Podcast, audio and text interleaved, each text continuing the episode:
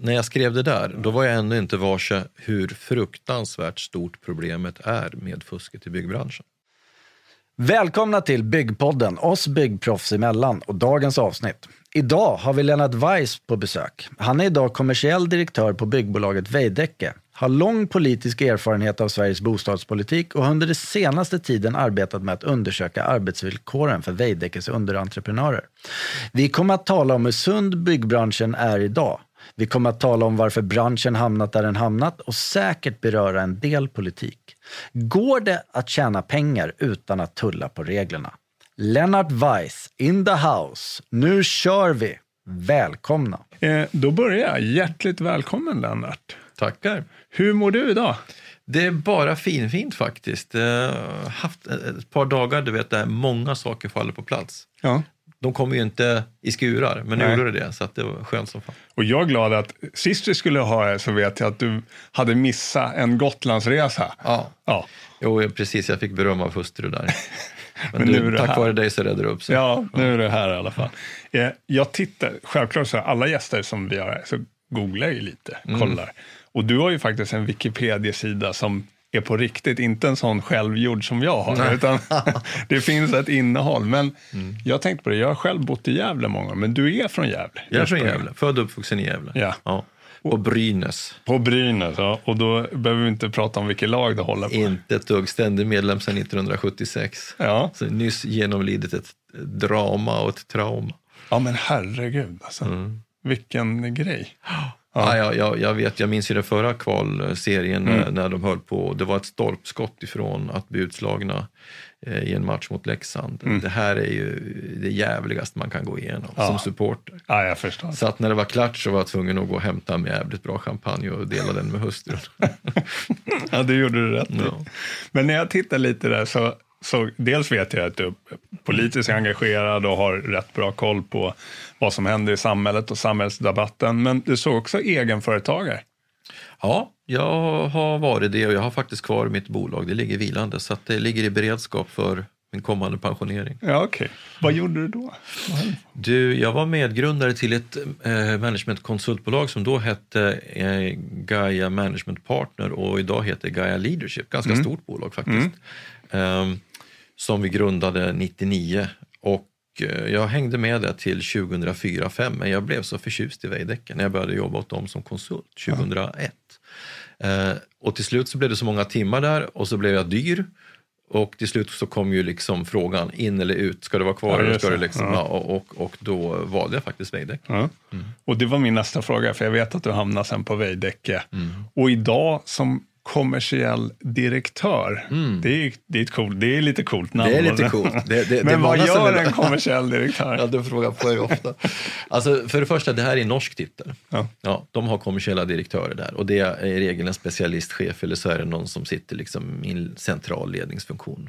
Och så, Eh, och, och, och så är det ju det här fallet också. Men du vet, jag kom ju alltså till Veidekke som konsult 2001, blev anställd 2005. 2008 så, så fick jag en förfrågan om att bli vd på Svefa, fastighetsvärderingsbolaget. Och eh, då, det var samma år jag fyllde 50, så att jag kände liksom om jag, jag hade varit vd en gång före, Ja. eh, men det var en ganska kort repa eh, under IT-hypen. Det var, det var en resa upp och ner. Eh, och då kände jag, ja, det fanns en del lärdomar från det där, så jag skulle gärna ta en sån repa. Så att, eh, då var jag där i nästan fem år. Och, men höll en väldigt bra kontakt med Veidekke, bland annat med Veidekkes dåvarande koncernchef, som ni har i styrelsen. Ja. Legenden Terje Venold, oj oj oj, vi älskar honom fortfarande. En fantastisk ledare, en fantastisk personlighet. Och jag höll kontakt med honom, han var min mentor också ett par år. Så att eh, det fanns en förfrågan lite då och då om att jag skulle komma tillbaka. Och då var ju frågan vad jag skulle göra och eh, då bestämde man sig att eh, designa en specialroll och, och utnyttja den här vid, då, vid det laget redan ganska långa branscherfarenheten, eh, erfarenhet från fastighetsutveckling, bygg, eh, fastighetskonsulting, värdering. Så att det var ju många saker som jag liksom hade en, ändå en hygglig koll på. Plus att jag har en politisk kunskap i botten. Och då kan man liksom hela samhällssystemet. Ja. Och det där ville de att eh, tussa ihop så att jag jobbar ju med, med marknadsanalyser, omvärldsvärdering, eh, branschpåverkan, opinionsbildning, Mm. allt möjligt. Va? Vi driver ju till och med en mediakanal idag, bostadspolitik.se. Vi pratade innan du kom hit, just Mm. att om vi pratar byggbolagen, de större, så är ni i framkant vad det gäller samhällsdebatt, eh, liksom, och ligga där i framkant, skulle jag säga. Ja, nej, men jag får ibland frågan vad det är som har gjort att Veidekke har valt en sån aktivistisk Mm. linje. Eh, och det var väl inte någon genomtänkt strategi från början, men, men ja, eftersom jag vet att om du ska bilda opinion så kan du inte basera det på tyckande, du måste basera det på analys. Mm. Och det var ett trick som vi redan hade börjat utveckla inom eh, Svefa med, med en rapportutgivning som blev väldigt framgångsrik där. Så att, eh, och när jag då tittade på branschen så kunde jag konstatera att det fanns konjunkturanalyser men det fanns väldigt lite av konjunktur och marknadsanalyser som dockade mot eh, politiska frågeställningar, branschfrågeställningar. Och då började, började vi göra sådana plus att vi gav oss in i bostadsdebatten. Och eh, eftersom vi är ett norskt bolag eh, i grunden och i Norge har du ju ingen hyresmarknad, du har ju en ägarmarknad. Så började vi analysera det där i en svensk kontext. Jag kommer från kooperationen. Ja. Jag, jag är liksom, har, har ju liksom jobbat med den kooperativa varianten av ägt boende. Så vi ställde oss frågan, eh, lite sådär hädiskt, eh, lite medvetet hädiskt, alltså behövs hyresrätten? Att säga det i Sverige, det är som Ja, att svära i kyrkan. och då bestämde vi oss för att svära i kyrkan. Eh, Så att vi, vi, vi gick in och började lansera den norska modellen som en eh, tankefigur i bostadsdebatten. Och det var ju inte så många som eh, trodde att det där skulle bära frukt först. Men faktum är att vi har påverkat fler element i bostadsdebatten som nu börjar få Mm. Ja, jag genomslag. nu. Startlånen var vi först med att berätta Ja. om. Eh, ta- Att, att det var vi som gjorde den första utredningen kring subventionerat bosparande, det är ett faktum. Men det finns andra element i norsk bostadspolitik som vi har tagit hit. Plus, skulle jag säga, vi har ju i flera utredningar visat hur otroligt mycket mer fördelaktigt det är för hushållet att bo i ett ägt boende. Speciellt om man ska bo länge på en plats. Ska du bo en kort tid på en plats, ja men då är hyrt boende överlägset. ja. Så i början av livet, sent i livet så är hyresrätten bra. Men om du ska flytta till Gävle och bo där i 10-15 år, då är det ju oerhört eh, dumt rent privatekonomiskt. Ja. Ja, ja. Och det har vi tagit fram fakta på och driver i debatten. Så. Det, det är roligt att vi kommer in på, för när vi gjorde intro till den här podden så sa vi att vi skulle prata om vissa saker då, som jag hintade om till dig när du skulle komma hit, men att vi säkert kommer hamna in på politik. Ja. Och det gör vi redan nu. Ja, Så. Allt är politik. Allt är politik Ja. Men eh, jag läste på lite hittade en artikel i Fastighetstidningen. Jag kommer inte ihåg vilket år, men där, där står i alla fall, jag vet inte om du har sagt det, men det står så här. Alla beställare vill ha låga priser. Det gäller såväl offentliga som privata företag. Och min uppfattning är att man då blundar både det ena och andra ögat för missförhållanden som finns. Och det här var kopplat till sund konkurrens. Då. Något jag vet att du jobbar med nu. Men liksom, vad menar du med, när du menar osund konkurrens? Och vad blundas det för? Liksom? Det blundas för att eh, om eh, man ska skapa en bransch som i alla led är eh, på den vita sidan när det gäller löner, skatter, sociala avgifter, så kostar det. Eh, Du ser i den svenska debatten så återkommer det ständigt som ett tema att byggpriserna är så höga i Sverige. Det kommer ju ständigt. Och det är ju ett faktum. Men man gör ju fullständigt fel analys av det problemet. Man, man, i, pro, I debatten låter det som att eh, det är de stora företagen, eller, eh, och då kan jag räkna er också, som, som täljer guld eh, med, täljkniv. Jag menar entreprenadbranschen där jag är nu då, har ju två, i bästa fall 3 procents omsättning marginal på omsättningen. Det är en lågmarginalsbransch. Folk där ute vet ju inte att 20, 30, 40 procent av projekten går med förlust. Så det är ju jävligt viktigt att du har en bulk för projekt som går bra. Kostnadspressen är stor, men då uppstår också en lockelse att gena i kurvorna och det, det kanske vi kommer tillbaka till, vad vet jag. Men, men man ska ha klart för sig att, att, eh, att det skulle finnas några enkla genvägar i ett land som har höga löner, har eh, höga skatter, har höga ambitioner när det gäller klimat, energi, Hållbarhet. hållbarhet eh, där markpriset eh, drivs av kommunerna och, och, och ransoneras, portioneras ut och där det är ett kallt klimat. Mm. Hur skulle det kunna bli billigt? Och tittar jag på statistiken så är det ju inte så att Sverige avviker från de andra eh, nordiska länderna. Vi ligger i, precis samma, priserna, kostnaderna utvecklas i samma takt. Ibland ligger Sverige högre, ibland ligger Norge Mm. högre, ibland ligger Danmark högre, det beror lite på valutan. Men vi ligger där. Och när man då jämför med, med kontinentaleuropa, då jämför man ju med en helt annan produkt. Mm. Helt annan produkt, helt annat löneläge, helt andra klimat och Ja. energiambitioner. Så that's it. Ehm, höga ambitioner kostar, det måste man inse.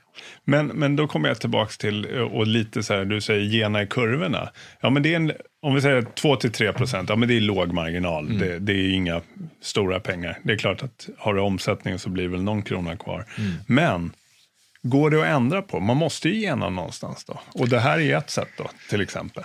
Ja, alltså, alltså när jag skrev det där, då var jag ännu inte varse hur fruktansvärt stort problemet är med fusket i byggbranschen. Det vet jag idag, Mm.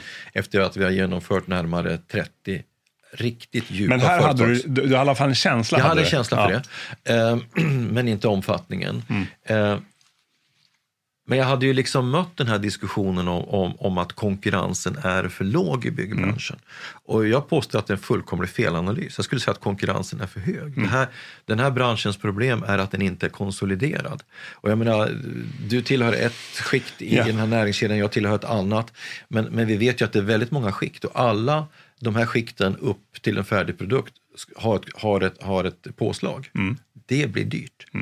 Om bilindustrin hade funkat på samma sätt då skulle bilarna kosta fem gånger mer. Men de har ju konsoliderat sin Ja. bransch. Jag menar för hundra år sedan hade du tusen bilföretag. Ja. Var det 15 idag? Och det har blivit bättre och billigare. Så att den här branschens problem är ju att det är inte en konsoliderad industri. Det är fortfarande en hantverksverksamhet. Där många hantverksbaserade företag jobbar ihop i långa näringskedjor. Och då blir det dyrt. Ja, det blir det. Så de gör helt fel analys, de som kritiserar. Och de binder oss fast i, i en tanke om att vi ska liksom förstärka konkurrensen på projektnivå. Helt fel analys. Men, och, men du har ju varit mycket inne på då, sunda villkor och, och lite kring arbetskraften idag, att det fuskas där. Liksom. Eh, vad har du hittat hittills när du har börjat? Liksom? Och, vad- och, vad har du hittat hittills och var det något som förvånar dig? Det som har förvånat mig det är att alla de företag vi har undersökt från Östeuropa visar sig fuska. Alla. Det hade jag inte trott. Och, och eh, då har jag offentligt valt att säga så här att för att ligga lite på säkra sidan. Att Ja. Min bedömning är att mellan 50 till 90 procent fuskar. Men mellan skål och vägg så säger jag att det ligger närmare det högre intervall och det kan till och med vara över det övre intervallet. Därför att det sägs ju självt att om, om redan 30-40 procent i vilken sektor som helst börjar fuska, hur ska de andra kunna Nej, det då? de måste ju fuska också. De åker ju med. Ja, ja. Så att det som har uppstått här det är ett, det är ett branschmönster där vi för 10-15 år sedan drog nytta av att EUs inre marknad började fungera. Att eh, vi som en följd av eh, kostnadstrycket kunde börja göra oss av med en del arbetskraft och ta in underentreprenörer. Eh, beställarna ställer inga frågor runt det här. Myndigheternas kontroll av det som är deras ansvar, det vill säga skatter och sociala avgifter och sånt, är helt undermålig och begränsas av sekretessregler och annat. Branschens kontrollsystem är fullkomligt värdelösa. Fullkomligt. Och det, det, alltså, jag, jag tycker naturligtvis att I- ID06 är ett stort framsteg vad gäller arbetsplatskontroller, individkontroller. Men det är ju, vi har ju visat med våra analyser det att den typen av verktyg eh, ger ju inte svar på hur företagen agerar. Nej. Utan det, du har koll på enskilda individer möjligen. Va?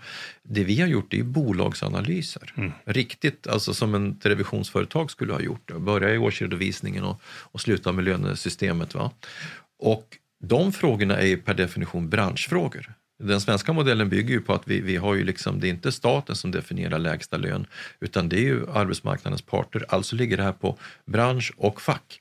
Och ingen av de parterna har hittills haft eh, förmågan att, att ta fram de kontrollsystemen. Så att det jag ju är för, så förskräckt över idag det är att vi har gjort oss oerhört beroende av de östeuropeiska bolagen. Det är inte så att arbetskraften saknar kompetens. Det är inte så att jag inte tycker att de ska vara här. Det är inte så att jag är emot fri rörlighet eller konkurrens. Jag är för alla de sakerna. Men vi har hamnat i ett läge där vi, där vi är utsatta för en fullkomligt osund konkurrens som redan idag knäcker seriösa, hederliga företag i Sverige. Slår ut massor med jobb, slår ut bra produktiva företag till förmån för lågproduktiva primitiva företag. Så det här gör ju faktiskt att branschen fungerar allt sämre.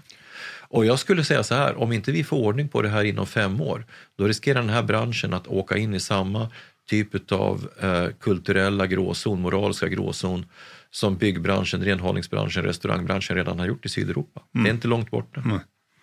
Men, men jag tänker så här, Lennart, när du pratar, nu pratar vi liksom utifrån din roll som kommersiell direktör, utifrån ändå att du jobbar på företaget Veidekke. Om ni gör den här genomlysningen och tittar, ser de här problemen, om inte de andra i branschen är med, Skanska, NCC, Peab, alltså då kommer ni ha en konkurrensnackdel om ni skulle säga så här, vi ska göra det här rent och liksom ha en genomlysning av alla företag. Ja. Och då får ju ni problem ändå, förstår du? Då är det ännu mer kring lönsamheten. Ja, du, du träffar ju precis den ömma punkten Ja. här. Va? Och eh, när den här bilden som jag då beskriver växte fram, då gjorde vi ju en del analyser. Vad skulle det här få för konsekvenser för vår lönsamhet om vi eh, tvärt över en natt bara kastade ut de här Ja. bolagen? Då har vi noll lönsamhet. Ja, det Då, kan då, jag tänka och, då har vi alltså egentligen bara alternativet att dra ner vår omsättning och fokusera på vissa delmarknader där du fortfarande kan operera Mm. med svenska villkor. Så att eh, då har vi tvingats till en strategisk diskussion och den var ganska livlig under en tre, fyra månader men den har resulterat i att vi bara för några veckor sedan tillsatte ett väldigt stort projektarbete som pågår just nu. Där vi utifrån några principiella huvudlinjer nu jobbar på att ta fram en ny affärsstrategi. Eh, både vad gäller eh, arbetssätt, teknik, eh, förhållande till underentreprenörer. Vi kommer fortsätta ha underentreprenörer men vi kommer ha dem i en delvis annan mix. Vi söker en annan typ av företag som har hög kompetens, produktiva, som vi vill ha långsiktiga relationer med. Vi kommer att prekvalificera fram sådana. Och vi kommer att behöva skruva på våra affärsmodeller. Så att våran bedömning är att om vi är tidiga i det här och har ett snabbt fotarbete, då kommer vi snabbare än våra konkurrenter jag ska säga, komma igenom en sån här produktivitetscykel som gör att vi har högre lönsamhet. Men under två, tre, fyra år så kommer det här balansera på en knivsegg. Och, och då kan man säga så här att då räddas vi kanske lite av att vi har ju långa projekt så att eftersom det är en väldigt svår bevisföring om du går till tvist kring det här till exempel, va, då vet du inte hur det faller ut för det kan vara svåra bevisföringsfrågor. Så att man kan säga så här, när vi hittar eh, fuskande företag då spärrar vi dem och kastar ut dem. Men, men vi, vi kan inte kasta ut alla utan vi gör ju det, det här för att lära oss. Men nu börjar våra leverantörer också lära sig att Veidekke har koll. Just. Så i höst så kommer vi ju börja träffa både beställare och leverantörer. I inledningen av den, här, av den här prekvalificeringsprocessen kommer vi att träffa företagen. Jag kommer berätta om hur vår utredningsmetodik ser ut och jag är helt säker på att de som då inser att de inte klarar sig igenom den kontrollen, de kommer ju lägga benen på ryggen och dra. De som är i gråzonen, de har ett val. Kliv in och skriv ett ramavtal med Veidekke och få tillgång till Veidekkes inre marknad. Du får lägre marginaler men du får en säkerställd volym. Så då hoppas vi att vi får fram en grupp företag som är beredda att gå över till den vita sidan. Och då gör vi en stor insats, inte bara för Sverige utan även för de här östeuropeiska länderna. Så att vi hoppas ju att vi blir lite förebild för det här i branschen och eh, att andra hakar på. Och jag vet att det finns andra som, som tänker på samma sätt som vi, som är på väg. Till exempel så, vi och Peab ligger väldigt nära varandra Ja. synsättsmässigt, eh, jobbar i hög grad ganska lika. Och jag tror och känner mig ganska trygg i att de större byggentreprenörerna kommer att anamma samma sak. Vad jag framförallt är angelägen om nu, det är att byggföretagen, och gärna ihop med Byggnads, eh, rappar på med att eh, tillsammans förbättra leverantörskontrollen på branschnivå.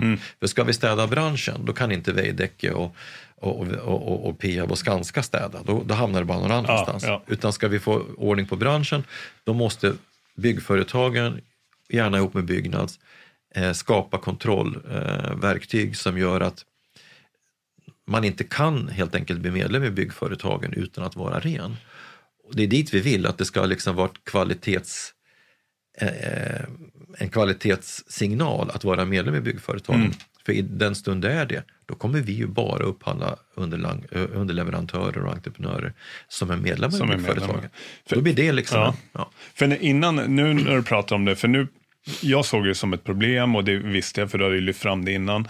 Men det du presenterar nu är ju att branschen själva, att ni som bolag tar tag i det, Peab och sen kommer alla andra med. Men jag var inne på innan, liksom, ja, men har inte politikerna ansvar i det här? Kan man inte lagstifta bort problemet? Eller tror att det måste komma inifrån branschen att rensa upp själva? Liksom? Ja, det, det ena står inte mot det andra därför att staten och myndigheterna har ett definitivt ansvar när det gäller skatter och sociala avgifter. Det är mm. deras del av bordet. Va? Försäkringskassan med, med, med, med arbetsgivaravgifter och så och, och staten när det gäller inkomst och bolagsskatt och så. Men lönerna, där har vi ju faktiskt en svensk modell som man ska hålla i minnet. Vi har ju inga statliga lägstalöner i Sverige Nej. utan EU har ju sent om sidor blivit medveten om att, att i Skandinavien så finns det en partsmodell och därför så, har, så finns, ligger det också i EU-traktatet och det förnyades så sent som om det var jag tänka, det var 2019, mm. att nu är det förtydligat att i de länder där det finns en särskild partsbaserad arbetsmarknadsmodell så har EU delegerat det till arbetsmarknadens parter. Men det är vi mm. som har ansvar för det.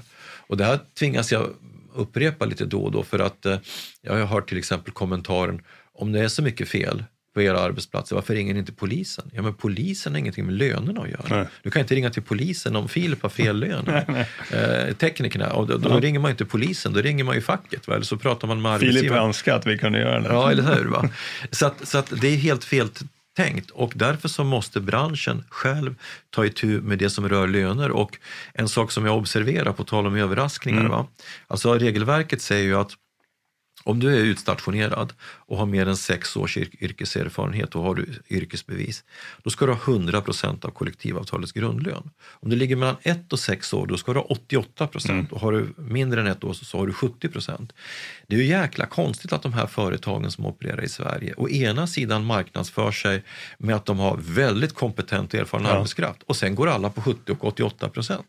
Det är bara att gå ut på bygget så ser jag att de inte är 70 eller 88 procent. Nej, nej, nej. Så det redan där börjar fusket. Mm. Och sen har du det här med, och sen ska de ju då, sen kan du ju göra en baklängesräkning. Om vi säger att byggavtalet ger 200, säg 205 kronor i, i grundlön. 88 procent av det är 175-178. Mm. Sen har de traktamente som varierar från 40 till 65 euro per dag beroende på land. Vi säger 50 euro ja. då. Eller 40 euro, då är det 50 spänn i timmen. Då ska de ha 225 kronor. Jag kan ju med baklänges matematik se att offerten är orimlig. Mm. Den är orimlig. Mm, mm. Och sen kan jag förstå att de inte betalar eh, arbetsgivaravgifter och inkomstskatter som de ska, utan man kan lugnt säga så här att en, en svensk byggnadsarbetare inklusive allt kostar 400-450 kronor. Mm. Och en baltisk kostar 120-150. Mm. Det är klart att det, det, det liksom blir svårt för svenska företag som bygger sin verksamhet på svensk arbetskraft att konkurrera. Nej, det går inte. Och då är det många jobb som försvinner också. Mm, mm. Ja. Intressant. Eh Ja, du kan ju prata länge om det här, men jag tänkte vi inte bara ska prata om det, utan vi tänkte skifta lite till här och nu, där vi är. Och du pratade innan vi körde igång podden lite om prisökningar, vad händer liksom? Och det är just nu när vi sitter här väldigt mycket prisökningar. Plastet ryker upp. Sågade trävaror, betong. Ja, trävaror, betong, stål, ja, you name it. Men Lite framåt då, hur, för det är intressant för oss och det undrar väl alla. Vi pratar lite, vad händer nu efter corona? Vad tror du? Veidekke Q3, Q4 2021 liksom. Ja, alltså oavsett om jag tittar i våra egna siffror eller de här makroanalyserna mm. som vi gör just nu. Vi håller på med en eh, en marknadsrapport som kommer att komma här kring midsommar. Vi, vi har ju gett ut sådana i flera år men så mm. pausade vi och så valde vi att göra om dem nu till form och innehåll efter det att vi sålde bostadsdivisionen.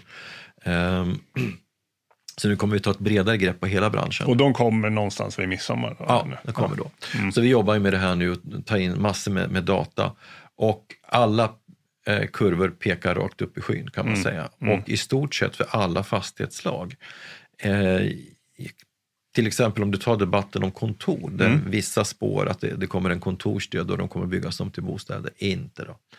Alltså du har en sån otrolig tillväxt på tjänstemarknaden, vilket föder behov av nya kontor. Ja. Så att jag skulle väl säga att det kommer vara precis som vanligt att icke attraktiva lägen kommer att ha en del vakanser, men i de attraktiva lägena kommer det vara precis mm. samma situation. Sen kommer vi bygga om kontor, och jobba mer flexibelt ja, och allt det där. Va? Men tillväxten på kontors på tjänstemarknaden driver kontorsefterfrågan, så det ser starkt ut där Och, och du också. tror inte Lennart, just den här, det har ju varit helt svart att ingen kommer gå tillbaka. Det kommer inte finnas ett Nej. kontor. tror jag Liksom. inte ett dugg på. Nej. Utan vi, företagen vill ha tillbaka sin arbetskraft. Sen kommer vi säkerligen att jobba mera flexibelt och mera på personliga premisser än, än tidigare. Men Mm. att företagen behöver ha liksom odla sin kritiska massa eh, gen, som uppstår när man möts. Liksom, det, det, det är jag helt övertygad Mm. om. Annars så skulle ju jag menar, motsatsen skulle strida mot urbaniseringens grundläggande mekanismer Mm. och det gör det ju inte. Va? Så att människor behöver vara tillsammans. Hotellmarknaden kommer efterhand att kvickna till också. Kommer nog att kvickna till fortare än vad vi tror. Eh, Logistik går redan väldigt bra. Bostäder går bra. Eh, infrastruktur. Eh, så att eh, jag kan bara konstatera att eh, våran omsättning i inneliggande order är väsentligt högre Ja. än, än, omsättningen i pågående produktion. Och så där kommer det se ut för hela branschen. Så att jag tror tvärtom att, att eh, eller tvärtom, jag tror, jag tror att eh, det stora problemet Q3, Q4 kommer vara arbetskraft och att få tag på insatsvaror till rätt pris. Finns det något, är det de svarta molnen eller finns det något annat svart moln du ser som skulle kunna stöka till det? Jo, det finns en sak här som, som vi grunnar på och det är ju inte vi eh, ensamma om precis. va. När det går så här fort eh, som det tenderar att göra nu Mm. så kan man säga att det gör ingenting så länge du återtar det som lågkonjunkturen förlorade. Men det är ju inte så mycket faktiskt. va. Mm. Ehm, så länge, men så länge man återtar en, en, förlorad terräng så är det inte så stort problem. Bara för att göra en utvikning. Om du tar det med bostadspriserna som det är ett himla palaver om Massor. så är det ju delvis en synvilla. Va? Därför Ja. att när du tittar på prisstatistiken och jämför vad priserna låg 2017 så hade du en nedgång. Just det. Nu är du tillbaka strax. Mm. ovanför. Så det som, som ser ut som, alltså det, det panik, eh, alltså det är stora svarta rubriker på temat nu har villapriserna gått si och så, nu har bostadsrättspriserna, det är en återhämtning. Mm. Men om det fortsätter i samma takt ovanför återhämtningen, som liksom trotsar den ekonomiska Mm, utvecklingen, för i botten ligger ändå en, en, en ekonomisk tillväxt som allting måste luta sig mot. Då skulle det bli problem. Men där är vi inte än. Nej. Men skulle det fortsätta, och det kommer att vara en himla fart 21, 22, eh, men vad händer sen? Och skulle, skulle det här fortsätta väldigt dramatiskt, eh, då kommer vi få inflation. Och får vi inflation så kommer vi få stigande räntor. Och då? stigande räntor kommer börskursen att falla och då kommer det inte alls vara lika attraktivt att investera i fastigheter och då kan du få en rejäl Ja, backlash. det. va? så att, men, men det skulle ju förvåna mig om inte världens centralbanker eh, har det här på radarn och eh, tämligen snart börjar lätta på gasen. Och det vill säga inte köpa bostads och företagsobligationer som man gör. Då kommer du få en måttlig ränteuppgång som balanserar den här väldigt snabba tillväxten. Och då, då finns det ju förutsättningar att du får en mjuk och, och, och ehm, ska säga, hållbar eh, konjunkturuppgång. Det, det är vad man kan hoppas och tro. Men, men skulle man tappa kontrollen över det här och, den, den riktigt eh, stora jokern är ju USA som ju eldar på på ett närmast obegripligt sätt. Mm. Där är det ju mycket som talar för inflation. Men, men det kan också vara så att det problemet kommer stanna i hög grad i USA. Ja, vi får se. Det är ändå positivt ur vårt perspektiv att det kanske kommer vara lite tempo då, under hösten här och något år framåt. Ja. Men om vi tar, eh, det, det är en sak, eh, ekonomisk tillväxt, men trender i branschen. Vad skulle du säga de kommande åren? Vad behöver alla byggbolag ha koll på? Även om man är liten eller stor.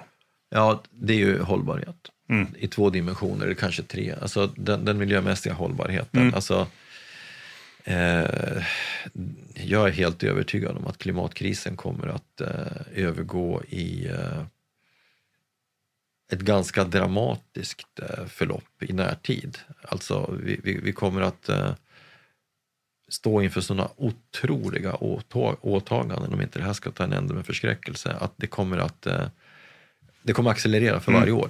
Och, och jag menar, det ser ju både du och jag. För, för tio år sedan då, då, då, då skrev vi en miljöpolicy och så lutade vi oss tillbaka och tyckte att vi var Ja, det var bra gjort. Men nu är det ju på allvar. Ja, ja. Alltså nu sliter man ju som fan på att hitta nya lösningar eh, på i stort sett allting och det är väldigt hoppingivande. Frågan är bara om, om vi är ute i tillräckligt god tid va? Mm. och om, om de verkligt stora utsläppsländerna eh, går i samma riktning. Det är väl det som är frågan. Men, men å andra sidan så finns det ju inget annat hopp just nu än att det sker stora teknologiska genombrott.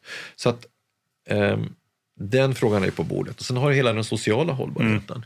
Och eh, jag menar, oavsett om vi faller in i den frågan från segregerade förorter, eh, skjutningar, eh, våld, eh, alltså, så, så, så har det i grunden samma problematik att, att Sverige har blivit ett mer delat land. Mm. Du ser det som, jag menar i, i, eh, i corona här så ser du att det är färre i, de, in, i våra in, bland våra invandrargrupper som är benägna att vaccinera sig.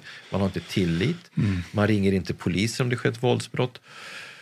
Det är lika tidskritiskt, Mm. därför att om, om man inte får ordning på de här sakerna i närtid, och då, då skulle jag säga max tio år, så riskerar vi att få ett permanent delat samhälle där vi har parallellstrukturer, eh, egna lagar, Mm. eget rättssystem.